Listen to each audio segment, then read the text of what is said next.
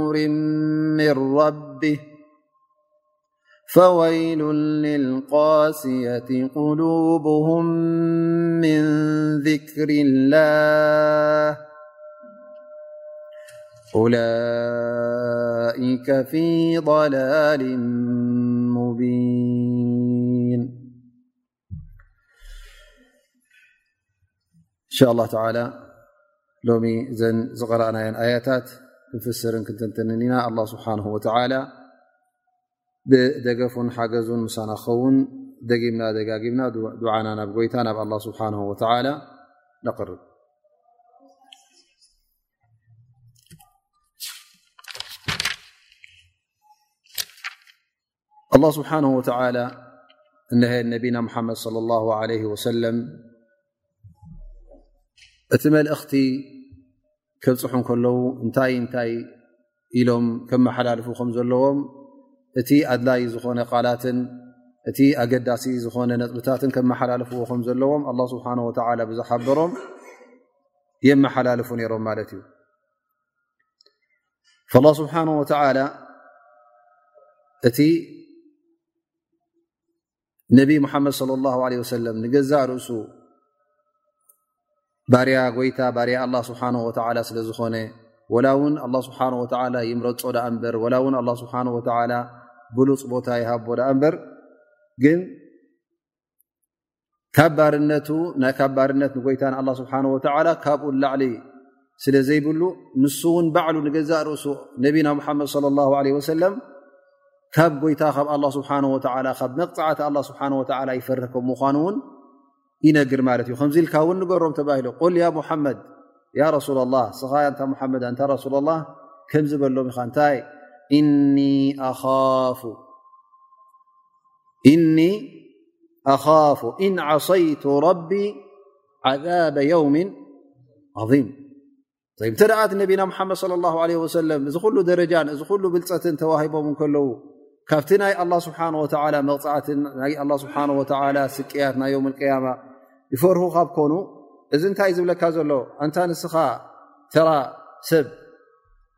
ብዝያዳ ክትፈርህ ኣለካ ማለት እዩ ነቢና ሙሓመድ ለ ላ ሰለ እኳ ዝፈርሁ ዘለዉስ ንሶም ውን እቲ ኩሉ ምርጫ ተዋሂቦም እከለዉ ኣላ ስብሓን ወተላ ውን ዝዓበየ ቦታ ሂብዎም እከሎ እዚ ናይ ነብይነት ክብሪ ረኪቦም እከለዉ እሞ ንስኻ ወይ ንያ መሓመድ ኣነ ውን ንገዛእ ርእሰይሲ ፍጡር ስለ ዝኾንኩ ባርያ ጎይታ ስለ ዝኾንኩ ካብቲ ዝፈጠረኒ ጎይታ ይፈርህ እየ ኢልካ ውን ንገሮም ኢኻ እዚ ክብሉ ከለዉ ነቢና ሓመድ صለ ሰለም እንታይ እዮም ዝብሉ ዘለዉ ኣንቱም ንስኹም ውን ብዝያዳ ፍርሁ ፍርህ እውን ኣለኩም እንታይ ዝወሰድኩምዎ ወይ ከዓ ዝተዋሃብኩምዎ ውሕስነት ኣለኩም ነቢ ስ ሰለም መዓኒ ውሕስነት ኣለዎም ነቢ ስ ሰለም غፊራ ለ ማ ተቀደመ ምን ዘንብ ወማ ተኣኸር ላኪን እቲ ናቶም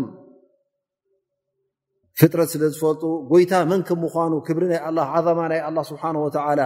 ልኡልነት ናይ ኣላ ስብሓ ወላ ስለ ዝፈልጡ ንገዛእ ርእሶም እውን ብፍርሂኦም ዝነብሩ ነይሮም ማለት እዩ ሙሉእ ለይቲ ክሰግዱ ይሓድሩ ሙሉእ ለይቲ ቁርን ክቐርቡ እስትቕፋር ክገብሩ ሙሉእ መዓልቲ የሕልፍዎ ማለት እዩ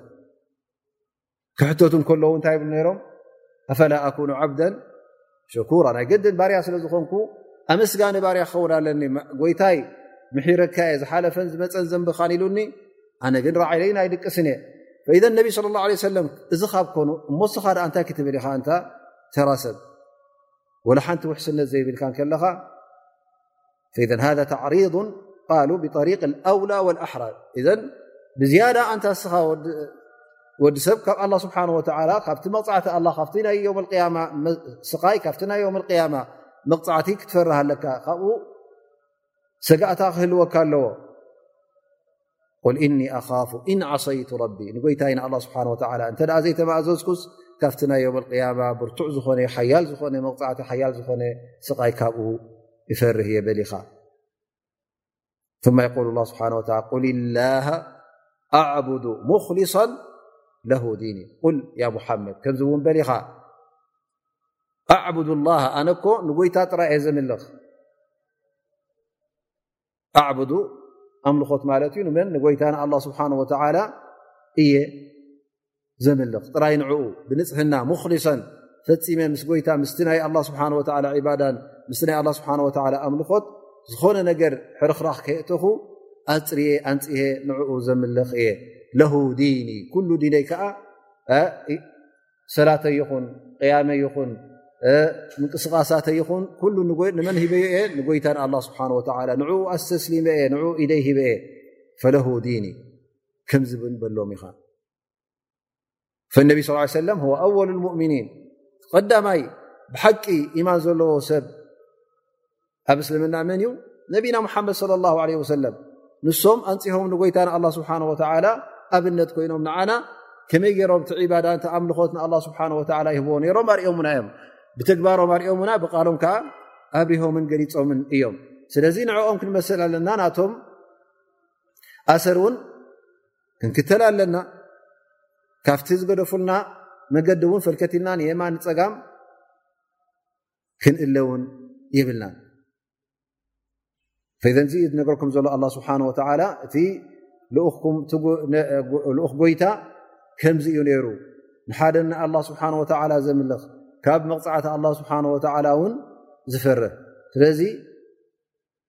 ብድሕሪኣ እቲ ኣያ እንታይ ትብል ኣላ ማለት እዩ የቁል ስብሓ ወተላ ፋዕቡዱ ማ ሽእቱም ምን ዱኒ ኣላ ስብሓን ወተላ ሕጂ ኩሉ እቲ ፅባሕ ንግሆ ንሕናስ ኣይሰማዕናን ንሕናስ ኣይተገለፀላን ንሕናስ ዝመፀና የብሉን ከይትብሉ ኩሉ ነጊርልኩም ዩ ልኡኽ ልእኹልኩም እዩ ንሀዚ ልኡኽ ውን ኩሉ ገልፀልኩም ኣሎ እሞ እስኹም ሕጂ በቲ ኣላ ስብሓን ወተላ ዝሃበኩም እኹል ዓቕልን እኹል ኣእምሮን ንዕኡ ተጠቒምኩም በቲ ዝወሃበኩም ዘሎ ሓበሬታ ንዕኡ ርኢኹም መዚንኩም መሚኹም ፈዕቡዱ ማሽእቱም ኣላ ስብሓን ወተላ እቲ ናፅነት ገዲፍልኩም ኣሎ ድላይኩም ምረፁ ንጎይታ ዲኹም ተምልኹ ወላ እውን ንካልእ ከተምልኽ እዚ ኣላ ስብሓን ወተላ ናትካ ምርጫ ገይርዎ ማለት እዩ ስለዚ እጅባር ወይ ከዓ ምግዳድ ዝበሃል የለን እዘን ምርጫ ኣለካ ወይ ንመገዲ ጀና ክትመርፅ ወይ ከዓ መገዲ ጀሃንም ክትመርፅ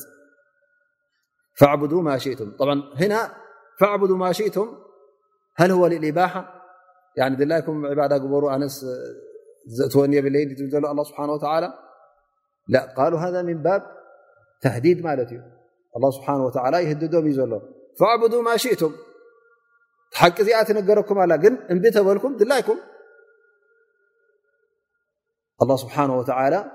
እቶም ንዕኡ ዘምልኹ እቶም ንኣላ ስብሓን ወተላ ጥራይ ዝምእዘዙ እዚኦም ጀናን ሰናይን ኣዳልዩ ሎም ኣሎ ፃምኦም ር ሰናይ ፅቡቕ ክኸውን እዩ እቶም ዝኣበዩ ኸ ኣላ ስብሓን ወተላ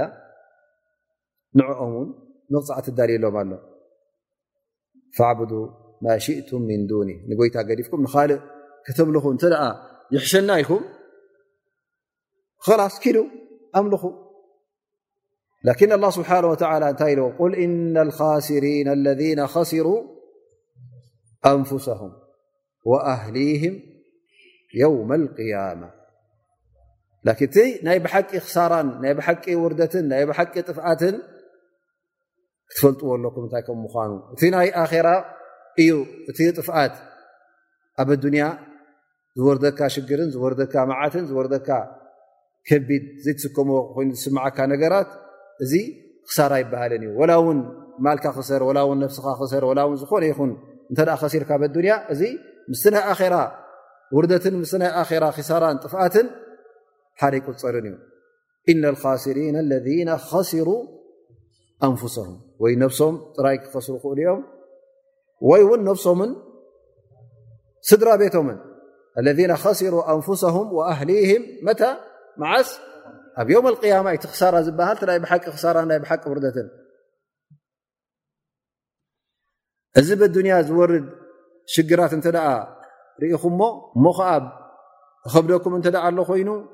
ወይ ከዓ እቲ ኣላ ስብሓን ወተላ እብትላእ ፈተና ዘውርደልኩም ዘሎ ከቢድ ጌርኩም ትወስድዎ እተ ኣለኹም ኮንኩም ኣንቱም ሰባት እቲ ናይ ኣራ ዝኸበደ ኣሎ እቲ ናይ ኣራ ዝዓበየ መዓት ኣሎ ኢሉ ኣላ ስብሓን ወተላ የጠንቅቕ ማለት እዩ ወና ቃል ለذ ከሲሩ ኣንፍሰም ወኣህሊም ቃሉ ኣን እቲ ክስራን ኣብ ዮም ቅያማ ሰዋእን ኩሎም ንእሳተ ጀሃነብ ይእተዉ እዚ ዓበ ክሳራ እዩ ወይ ከዓ ገሊኦም ንጀና እተ ኣትዮም ገሊኦም ከዓ እቶም ስድራ ቤቶም ንጀሃንም ወይ ንሱ ንጀሃንም ኣቶም ስድራ ቤቶም ካልኦት ን ንጀና እተ ኣትዮም እዚ እውን እቲ ናይ መጨረሻ ፍልልይ ማለት እዩ ፈፂምካ ዘይትራኸበሉ ንስድራኻ እትስእነሉ ይኸውን ማለት እዩ ሃذ ው ክስራን ሙቢን ኣብ ኣዱንያ ምናልባሽ ስድራ ቤትካ ርሕቁ ካባኻ ላኪን ዮም ኣልቅያማ ኣሎ ኣላ ስብሓን ወላ እንተ ኣብኡ ራኪቡካ እቲ ዝዓበየ ፍስሃን ዝዓበየ ደስታን ይኸውን ማለት እዩ ኣ ኣሰንታ ናይ ኣዱንያ ምስ ስድራ ቤትካ ክትነብር ቀፃሊ ኣይኮነን ኣ ሞት ኣሎ ትፈላለ ኢኻ እተ ብመገሻን ብካልእ ብስራሕን ብገለ ተፈላለኻ ኣብ መጨረሻ እንታይ እዩ እታ ፍልልይሲ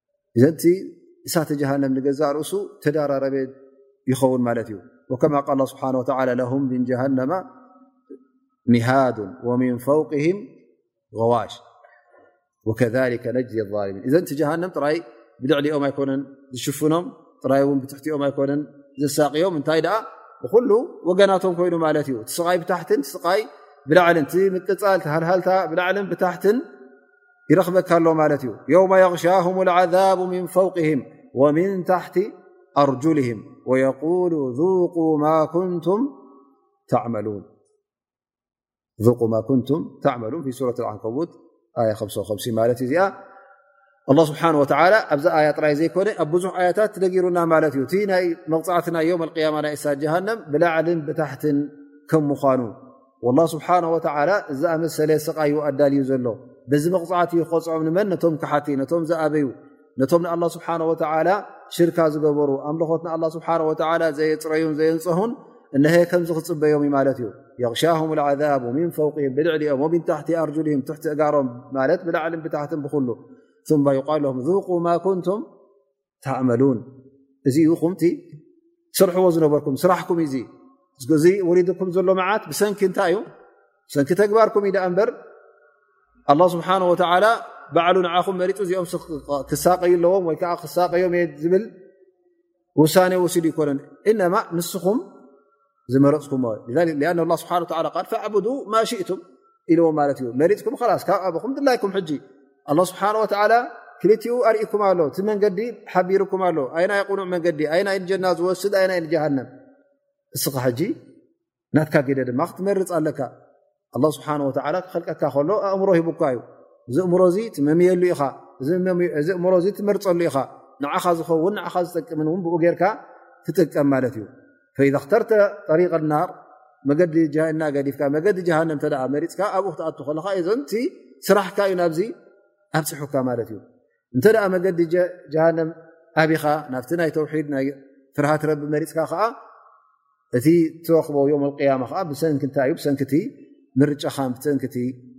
ተግባርካን ይኸውን ማለት እዩ ምን ፈውቅም ዘለሉ ም ናር ወምን ታሕትህም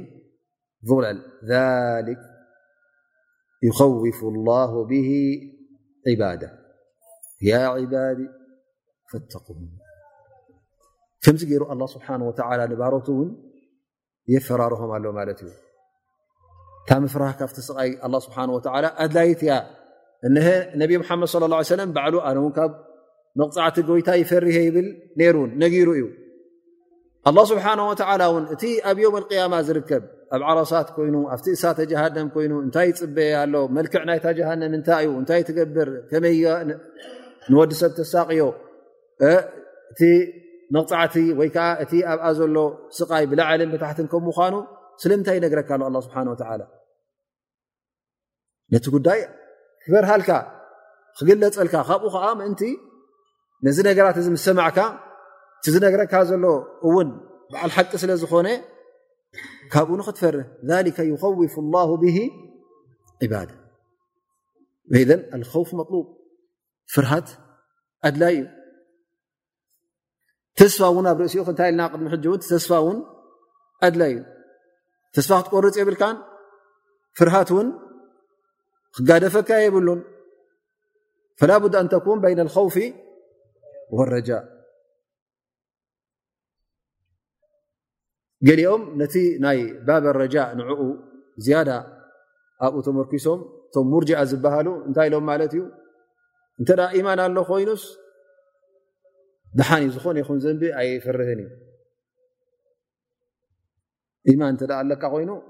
ዓመለ ሳልሕ ሰናይ ምግባር ገለመኔታት ኣይድልን እዩ ጥራይታ ቀንዲታ እያ እታይ እታ ኢማን እያ ኢሎም ኣርጀኡ ዓመል ኣኸሩ ዓመል ኢሎም እዚኦም ሙርጅኣ ሰሚሞም ማለት እዩ ፈረከዙ ላ ሃ ጃንብ ካልኦት ድማ ኣንፃሮም ኢሎም እቲ ባብ ልኮፍ ብዝያዳ ንዕኡ ስለ ናብኡ ዘተኮሩ ኣብኡ ስለ ዝያዳ ዝረገፁ እንታይ ኢሎም ማለት እዩ ሳሕብ ከቢራ እተ ዘንቢ ካብቲ ከባሮ ዝኑ ትገብር እተ ኮይንካ ኣስለ ንስኻ ላስ ተስፋ ይብልካ ጀና ዝበሃል ወላይ ትጨንዎን ኢኻ ላስ ካብቲ እስልምና ካብቲ ወፅእካ ማለት ኢኻ ኢሎም ማለት እዩ ف ኣብ ክል እታይ ኮይኑ ታይ ተረቡ ማ ዩ ዝያዳ ተጠሪፎም ማ ዩ ወሰን ሒዞም ማ ዩ ከምቲ ግቡ እታይ ክትገብር ዩ ዘለካ ንክል ከተማል ኣለካ ፍርሃት ክህልወካ ኣለዎ ካብ ናይ መቕፃዕቲ ኣ ስብሓ ኣብ ርእሲኡ እውን ተስፋ ክትቆርፅ የብልካ ፈተኩኑ በይና ረጃ ወልከውፍ ከምቲ ዕለማ ዝብልዎ ልክዕ ከምዛ ዑፍ ክትበርር ከላ ብምንታይ እያ ትበርር ብሓንቲ ግልግለ ድያ ወይስ ብክል ክግልግለ ሓንቲ ተ ኮይና እንታይ ትኸይዶ ትወድቕ ማለት እዩ እዘን ከምተን ክልተ ግልግለ ገራ ትነፍር እዛ ዑፍ እዚኣ ሓንቲ ግልግለ ረጃእ ትኸውን ተስፋ ሓንቲ ግልግለ ከዓ ከም ፍርሃት ጌርካ ክልትኤን እንተ ኣማሊእካዮን ከትካ ፅቡቕ ክትነፍር ኢኻ ወይ ከዓ ኣብቲ ኢማን ፅቡቕ ክትጓዓዝ ኢኻ ኢሎም ዕለማ ነዛ ናይ ልኮፍ ወረጃ ብከምዚ ገይሮም ኣብነት ሂቦምና ማለት እዩ ፈዘን ሊከ ይከውፍ ላ ብ ዕባዳ እዚ ነገራት እዚ ዝሉ ዝኸውን ኣብ ዮም ያማ በብሓደ ስብሓ ወ ተንቲኑ ክገልፀላ ከሎ ንወዲ ሰብ ዝፈልጡ ዩ ኣላ ስብሓን ወተላ ፍርሂ ኣሎ ዘይፈርህ ሰብ ኣሎ ኣስለን የለን እዚ ናይ ወዲ ሰብ እንታይ እዩ ጠባይ ባህሪ እዩ ከምኡ ተኸሊእካ ከምኡ ፈጢሩ ዩ ኣላ ስብሓን ወተላ ፈርሆ ነገር ኣሎ ትፈትዎ ነገር ኣሎ ማለት እዩ ፈኢዘ ኣላ ስብሓን ወተላ እዚ ነገራት እዚ ስለ ዝፈለጠ ላዝም ካብቲ ሙሓረማት ካብቲ ረቢ ዘይፈትዎ ነገራት ካብቲ ኣላ ስብሓን ወተላ ዝኸልከለካ ነገር ካብኡ ምእንቲ ክትቁጠብ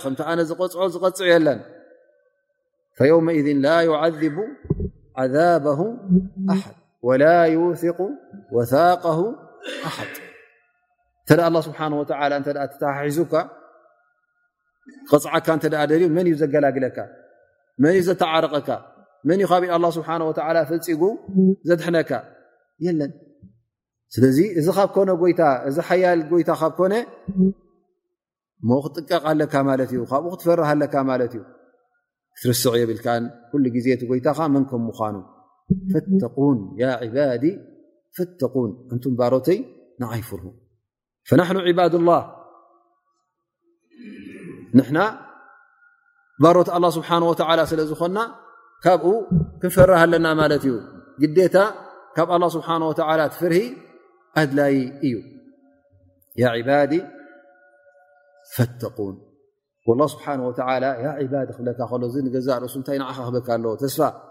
ኣላ ስብሓን ወተላ እኳ ኣንቱም ባሮተ ኢሉ ካብ ተዛረበና ኣንቱም ባሮተ ኢሉ ካብ ፀዋዓንስ ኢልካ እንታይ ክህልወካ ኣለዎ ማለት እዩ ከምቲ ንሱ ኣንታ ባርያይ ዝብለካ ዘሎ ኣንታ ጎይታ ኢልካ ናብኡ እውን ተወጃህ ንዕኡ እውን ፍራ ካብኡ እውን ተጠንቀቕ እዚ ዩ ጎይታኻ እዚ እዩ ኣላ ስብሓን ወተላ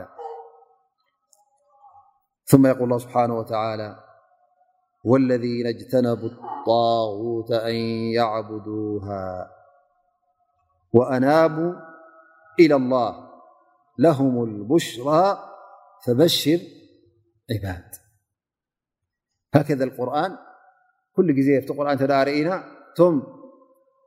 ካሓቲ እቲ ናይ ጀሃንም እቲ ናይ ዮም ቅያማ ዝርከብ ነገራት መቕፃዕቲ ናይ ኣላ ስብሓን ወላ ክጠቅስ እንከሎ በቲ ሓደ ሸነኽ ከዓ እንታይ ይነግረና ማለት እዩ እቲ ኣንፃሩ እንታይ ከም ምኳኑ እንታይ እዩ ነቶም ሙሽርኪን ነቶም ዝኣበዩ እንታይ ይፅበዮም ኣሎ ነቶም ዝኣመኑ ከዓ መን ከም ምኳኖም እንታይ ፅበዮም ከምዘሎ ኣላ ስብሓን ወላ ይነግረና ማለት እዩ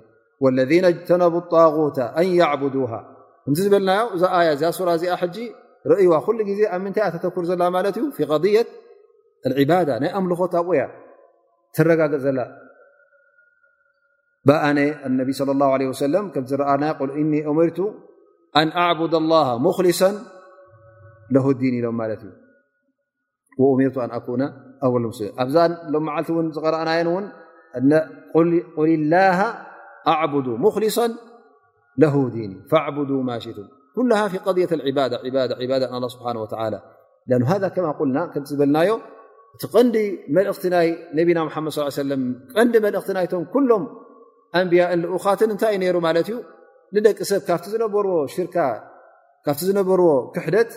ኣውፅኦም መጀመርያ ናብ ምንታይ እዮም ክእትዎም ኣብቲ ኢማን ክእትዎም ማለት እዩ ናብቲ ኣምልኾት ንኣላ ስብሓን ወላ ሓደ ጎይታ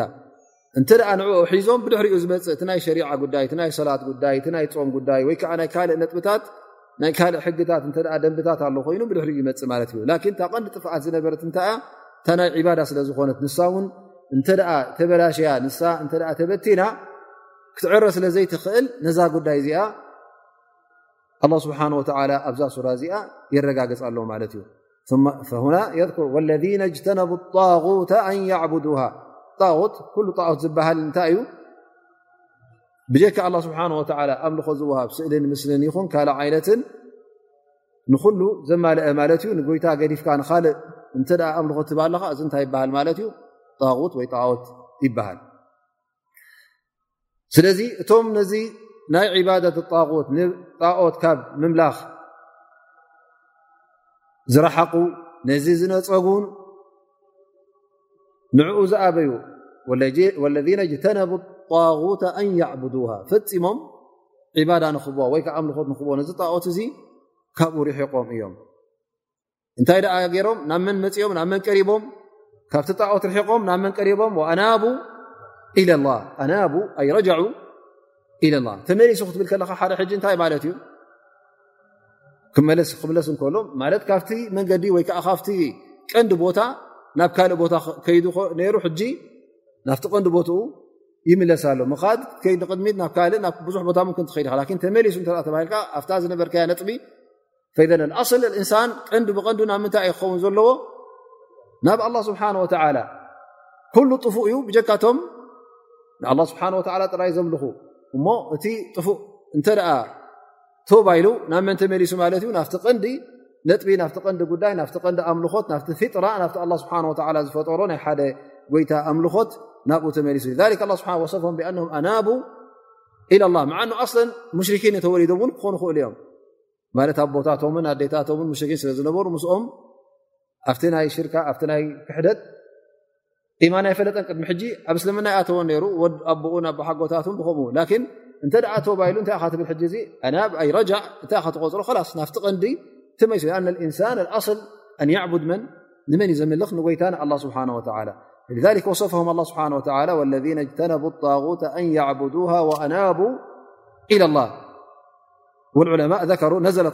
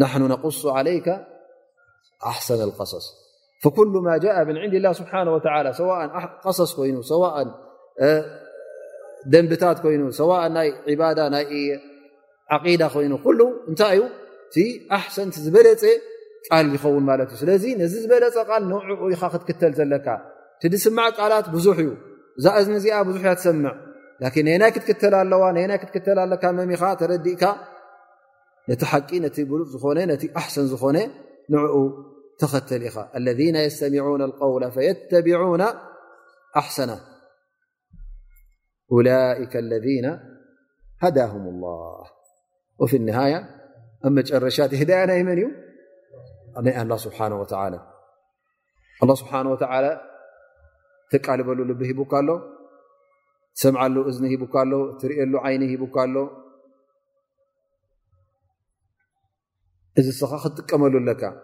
እንተ ብሓቂ ብፅቡቕ ኣገባብ ተጠቒምካሉ ትህዳያ ንዓኻ ክኸውን እዩ ኣማ እተ ዘይተጠቐምካሉ ከምትግቡእ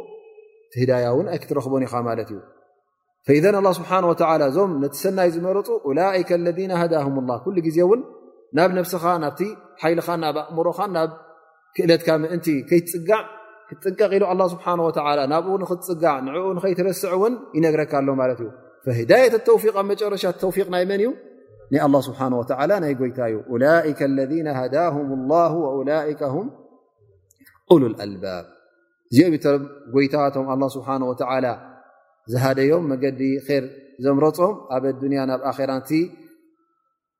ቅኑዕ መገዲ ሒዞሞ ክኸዱ እዮም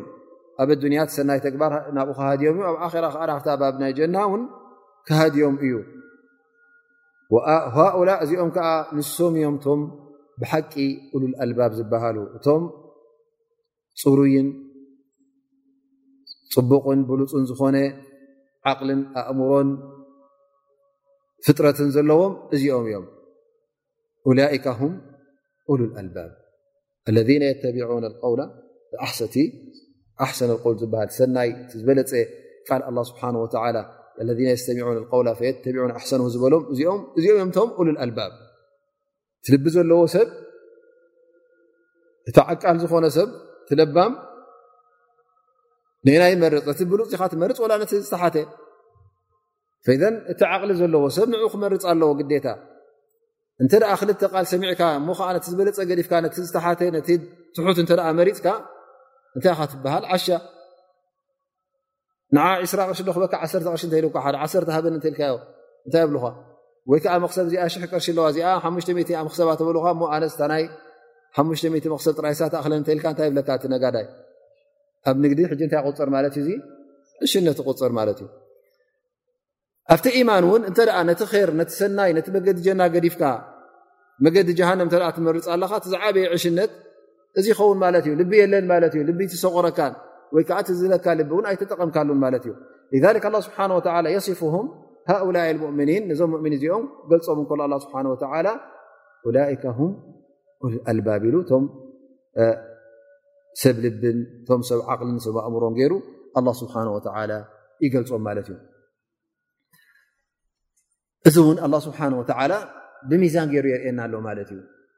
ብድሕሪ ኣብቲ ኣያ ዘላ እተዳሪና እንታይ ይብል ኣፈመን ሓቃ ዓለይህ ከሊመት ዓዛብ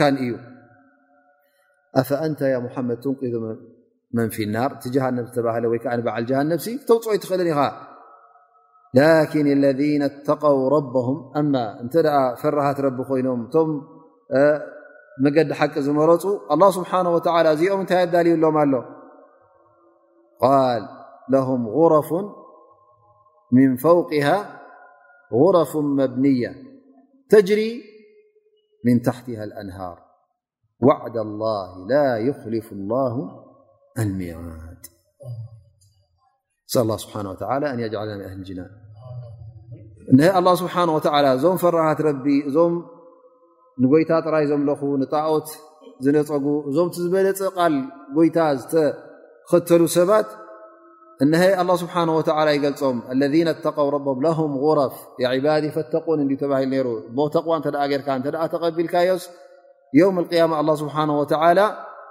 በብ ዓይነቱ ክፍልታት ኣብቲ ጀና ኣዳልሎም ኣሎ እዚ ክፍልታት እዚ ከዓ ተደራረበ ልዕሊ ልዕሊ ዝኾነ ደርብታት እዩ ም غረፉን መብንያ ጢባቀ ተላገበት ማለት እዩ ትናቶም ክፍልታት ካብ ታሕቲ ጀሚርካ ንላዕሊ እና ደረበ እና ተደራረበ ዝኸይድ ማለት እዩ ኩሉ እውን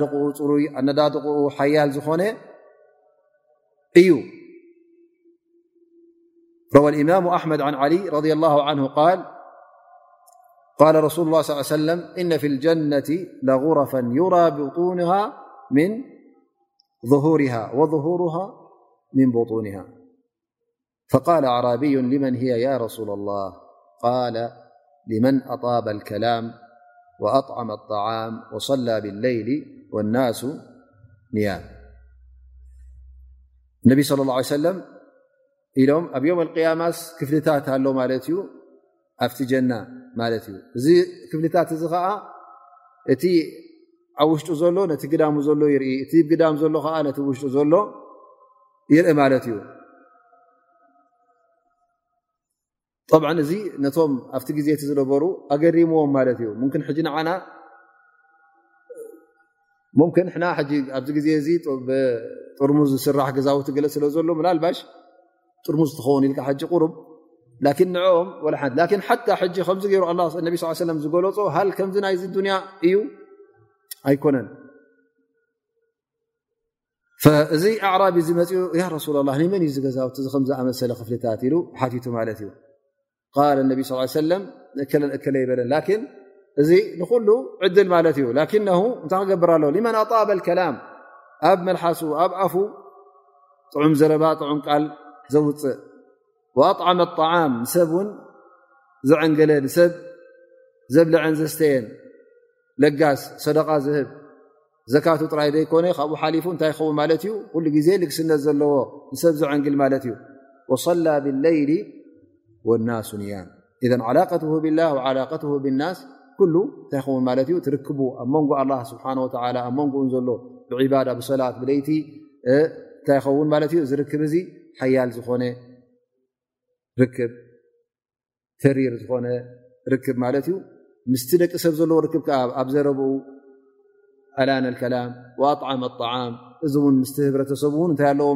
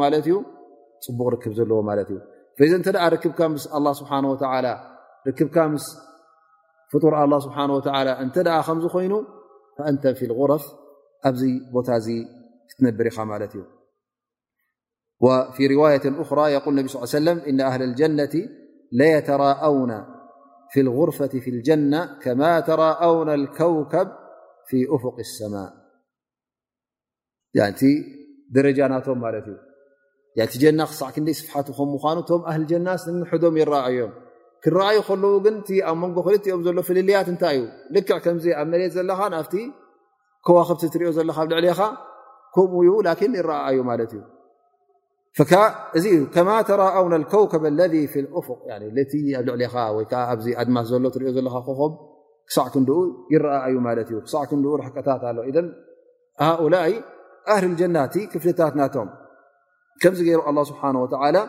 يلم وفي رواية أخرى يقول انب صى ي سلم إن أهل الجنة ليترائون في الجنة أهل الغرف كما ترائون الكوكب الذري الغارب في الأفق الطالع فقالوا يا رسول الله أولئك النبيون م كم لم درجت لعل درج وهبس أنب يم ل لى الله عليه سل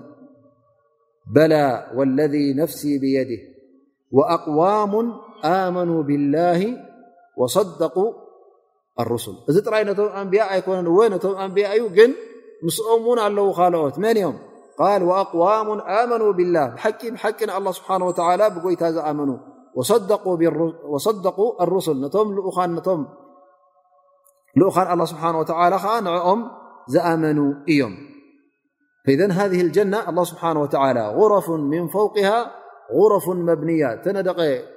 كفلታت لعل دربታت ዝኾن تجري من تحتها الأنهار بتحኡ ب يوحز ملت እ بب عينت وحز لዎ ملت እي أينم در وخل وجنت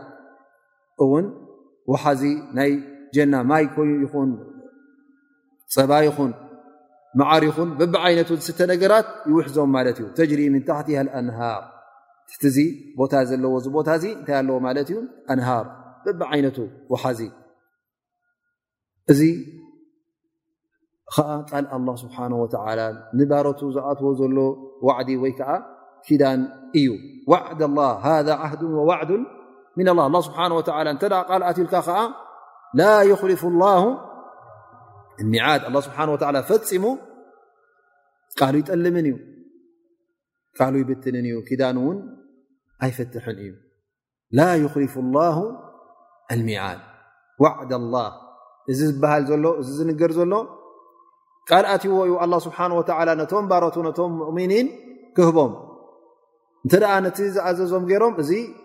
ቃሉ እዩ ፈፂሙ ኣላ ስብሓን ወተላ ንቃሉ ከዓ ኣይክጠልምን እዩ እሞ ስለዚ እቲ ብስራት ዝወሃበኩም ዘሎ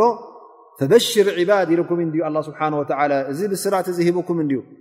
እሞ ፅባሕ ንግሆስ ጥርጠራ ክህልወኩም የብሉን ርከብ ዶ ኣይርከብን እዩ ክኸውን ዩ ኣይክኸውን እዩ ዝበሃልሲ ክህሉ የብሉን እንታይ ደኣ እዚ ዋዕዲ ናይ መን እዩ ናይ ኣላ ስብሓን ወተላ ኣይኮነን ጎይታኻ ኣላ ስብሓን ወተዓላ ገለገለ ሰባት ተኣምኖም እተ ኮይኖም እሞ እዚኣን እዚኣን ገብረልካ እተ ኢሉካ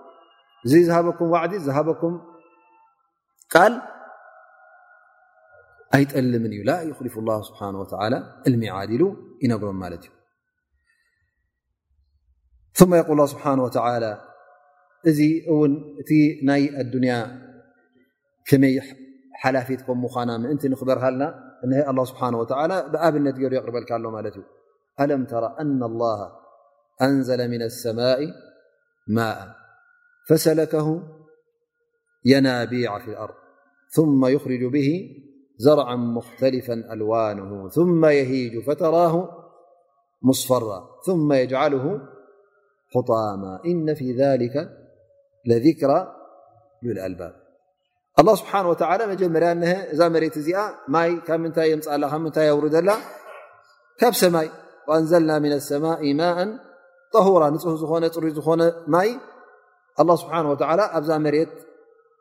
ክስክሶን የፍስሶን ማለት እዩ እዛ መሬት ከዓ ትቕበሎ ትሰትዮ ፈሰለከ የናቢዕ ገሊኡ ሓዚ ይኸውን ገሊኡ ከዓ ኣብ ውሽጢ መሬት ኣትዩ ፈልፋል ይኸውን ዓይነታት ይኸውን ዓይኒ ማይ ይኸውን ፈሰለከ የናቢዓ ፊ ልኣርض ثማ በዚ ማይ እዚ እዛ መሬት እዚኣ ተጠቒማ እንታይ ተውፅእ ማለት እዩ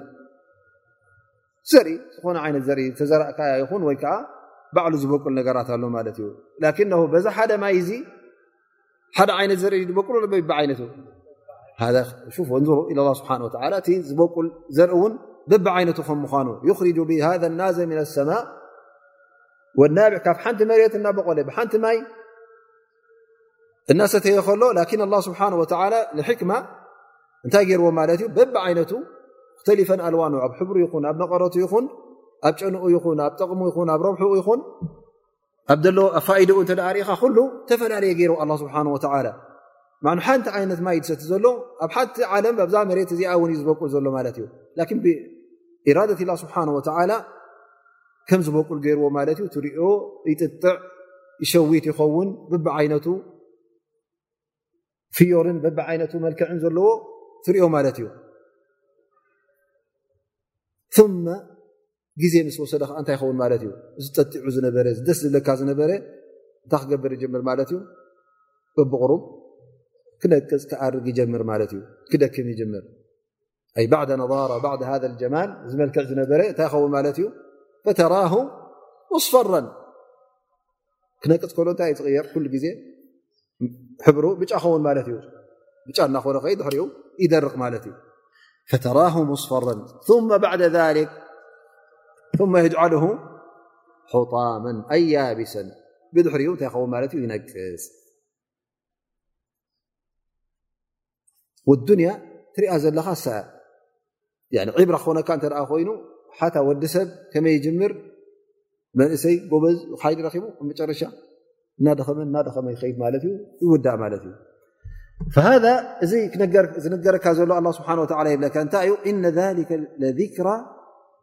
ልሉኣልባብ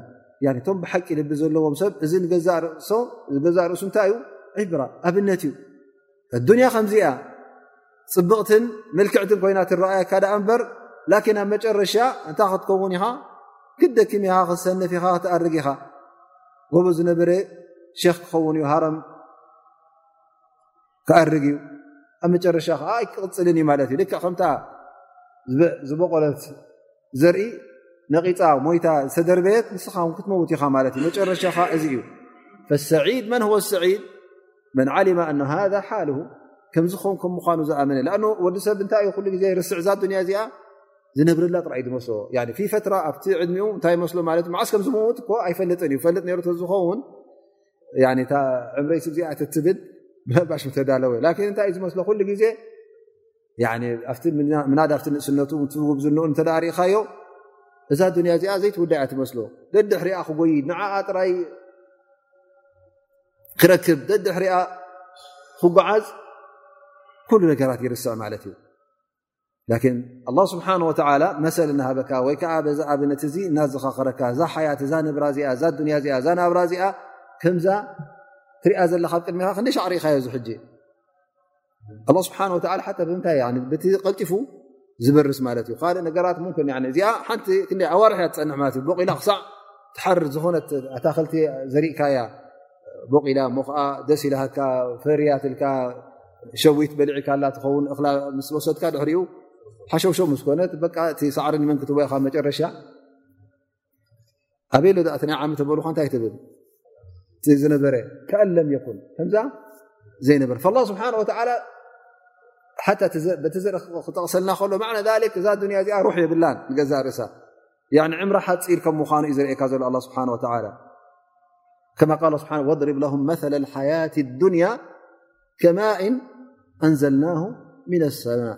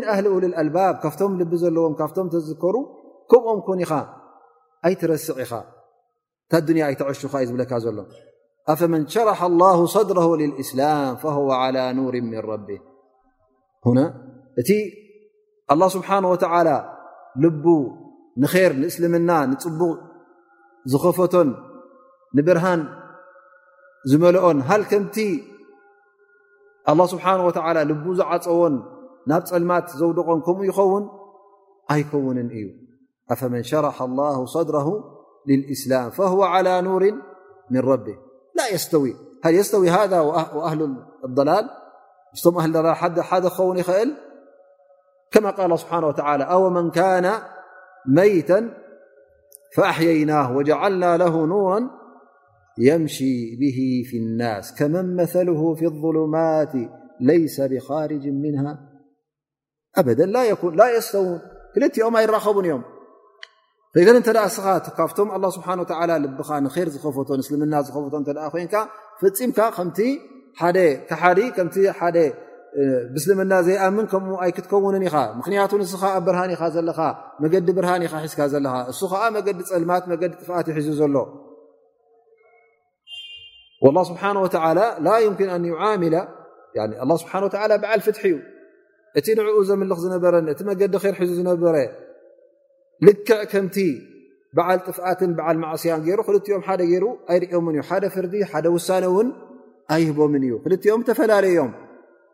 ሃ ላ ኑር ሃ ላ ظልማ እዚ ብርሃን እቲ ፀልማት እዩ ዘሎ